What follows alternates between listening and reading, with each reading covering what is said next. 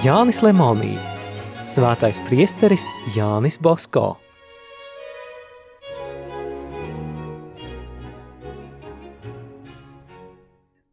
Trešās daļas piektā nodaļa Marijas Kristīgo palīdzības meitu kongregācija. No 1871. līdz 1873. gadam. 1871. gadā pieņēmis apsveikumus vārda dienā priesteris Bosko ziņoja, ka citu gadu, ja Dievs palīdzēs, viņš varēs paziņot kādu priecīgu jaunumu. 1872. gada svētā Jāņa Kristītāja svētku vakarā Jānis Bosko ziņoja, ka svētajai jaunavai palīdzot, pāvests varēja iecelt daudz jaunu bīskapu un tā iepriecināt noskumušās ticīgo sirdis. Otra žēlastība - viņa izveseļošanās no smagās slimības.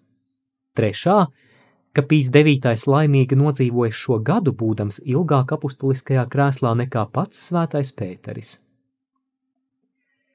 Viņš neteica, ka šajās dienās savā sirdī nes vēl citu lielu prieku.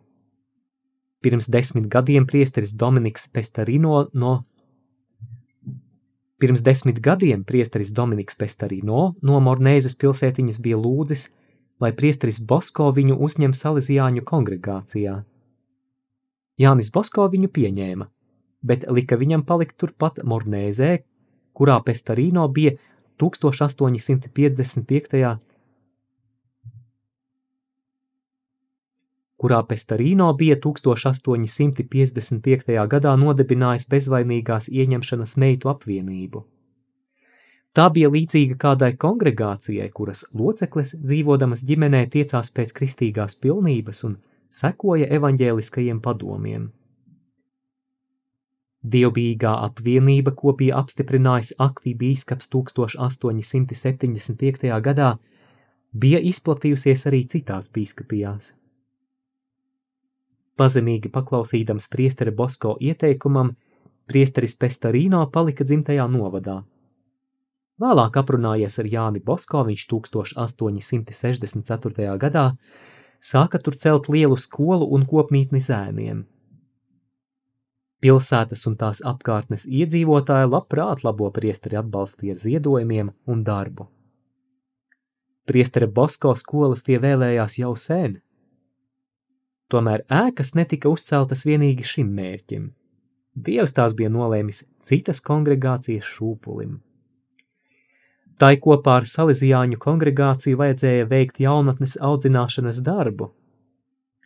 1871. gada maija sākumā priesteris Bosko sasauca Salesiāņu kongregācijas padomi – priesterus Ruā, Savio, Galjēro, Durando, Dživarelli un Albēru – Paziņojis, ka viņi uzaicināti ļoti svarīgā lietā, Jānis Bosko sacīja. Daudz ievērojami cilvēki man jau vairākas reizes ir ieteikuši parūpēties arī par meiteņu audzināšanu. Tiešām arī viņu dvēseles jāved pa pestīšanas ceļu. Ja nu es sakotu tikai savām personiskajām interesēm, tad es tādu apustulātu neuzsāktu bet šie ieteikumi nāk no tādiem cilvēkiem, kuru padomam nevar neklausīt, baidoties pretoties dievam.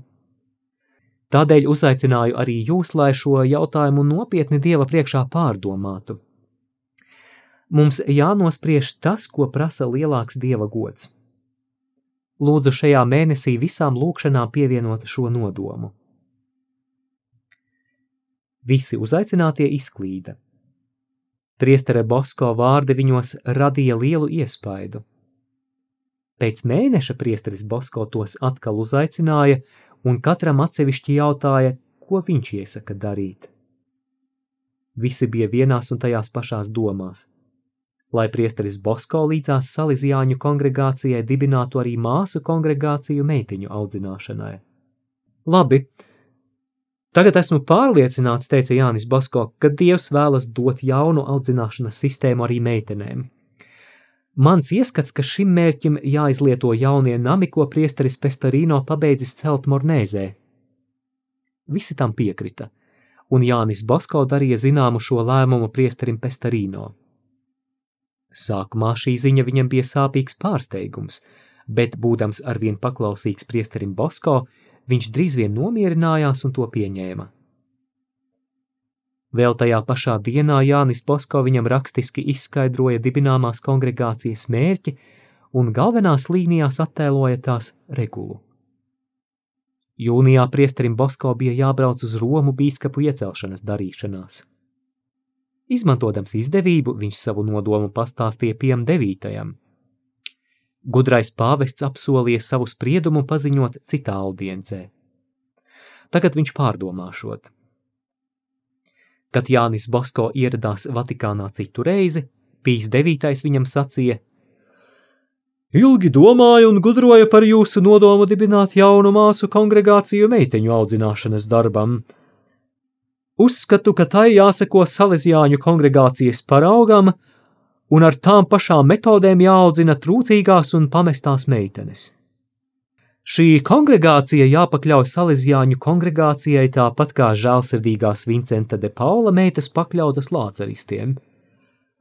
Pēc tādiem principiem sagatavojiet regulu. Cits viss noskaidrosies un radīsies pats no sevis.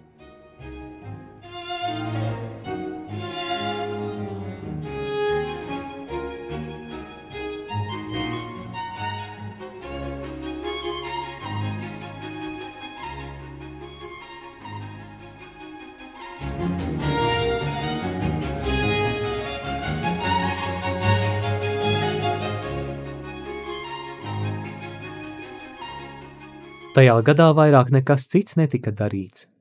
Daži labdari no Mornēzes kopā ar priesteri Pestarīno ieradās apciemot Jāni Bosko, kurš jau bija sācis izveseļoties no apnicīgās slimības. Palicis viens ar priesteri Pestarīno, Jānis Bosko sāka viņam jautāt, kā viss norit Mornēzē un kādas viņam liekas bezvainīgās ieņemšanas meitas. Tās nesen bija sākušas dzīvot kopienā.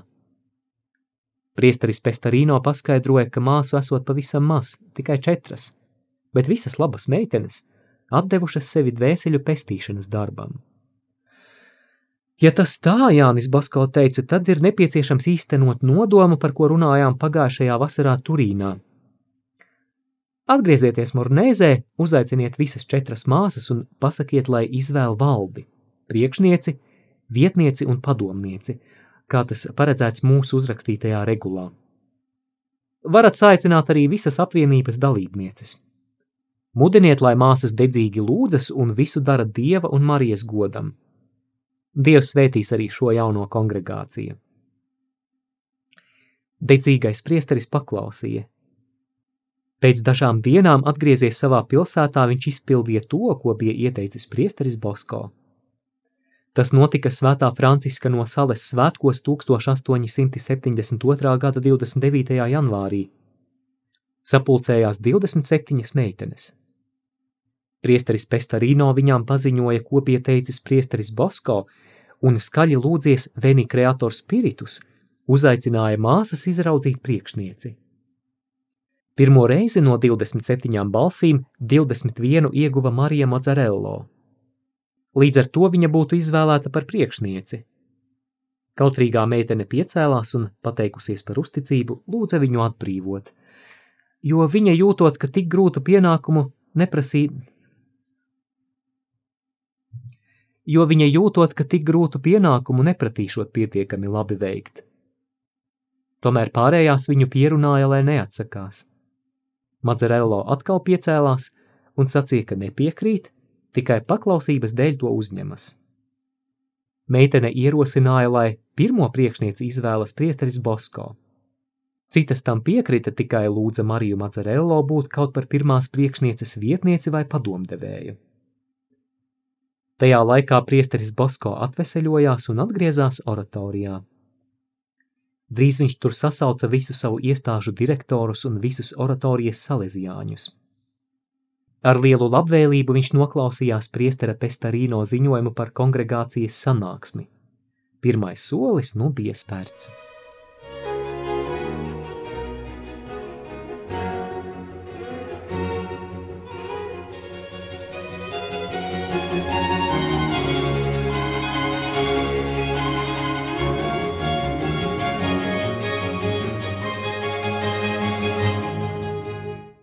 Tagad bija jāatrod jaunajām mūķenēm piemērots mājoklis.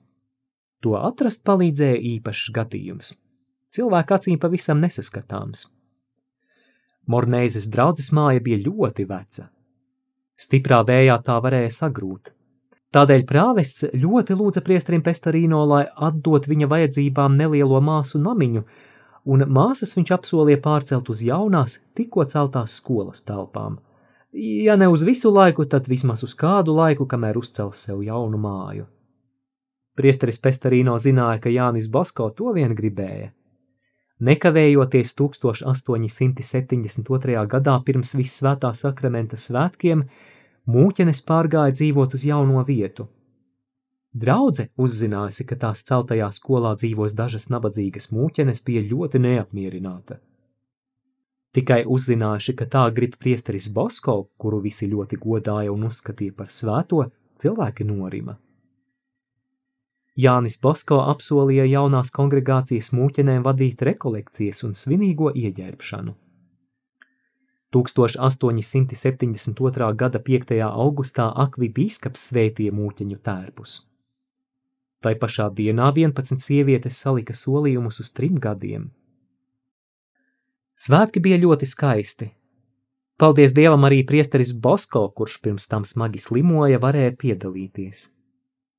Ieģērbtās mūķenes no viņa lūpām dzirdēja ļoti vērtīgus padomus, kā jāatlīdzina Dievam par aicinājumu uz šo kongregāciju – Viņš pastāstīja daudzus gadījumus, kuros parādīja, kā Dievs atbalstīs un svētīs dibinātāja nodomus. Tā rakstīts Marijas Kristīgo palīdzības meitu kongregācijas kronikā.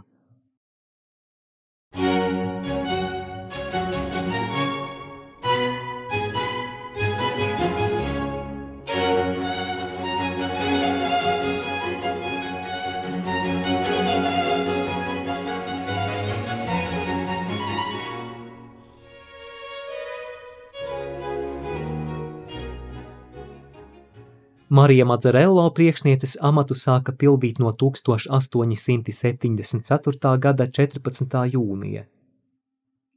Šajā dienā visas mūķenes ar priesteri Bosko atbalstu viņu ievēlēja par priekšnieci. Jānis Bosko mūķenes sauca par Marijas kristīgo palīdzības meitām, jo gribēja, lai jaunā kongregācija būtu kā dzīva pateicība jaunavai Marijai. 1872. gadā priesteris Bosko, arhibīskapa Gastaldī aicināts, uzņēmās vadīt arī lielo Valsaličes ģimnāziju.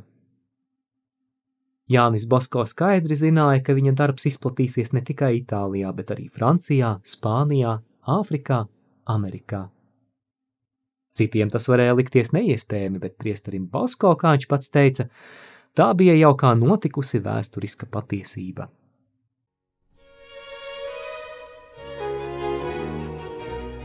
Izskanēja lasījums no Jāņa Lemonija grāmatas Svētais priesteris Jānis Bosko.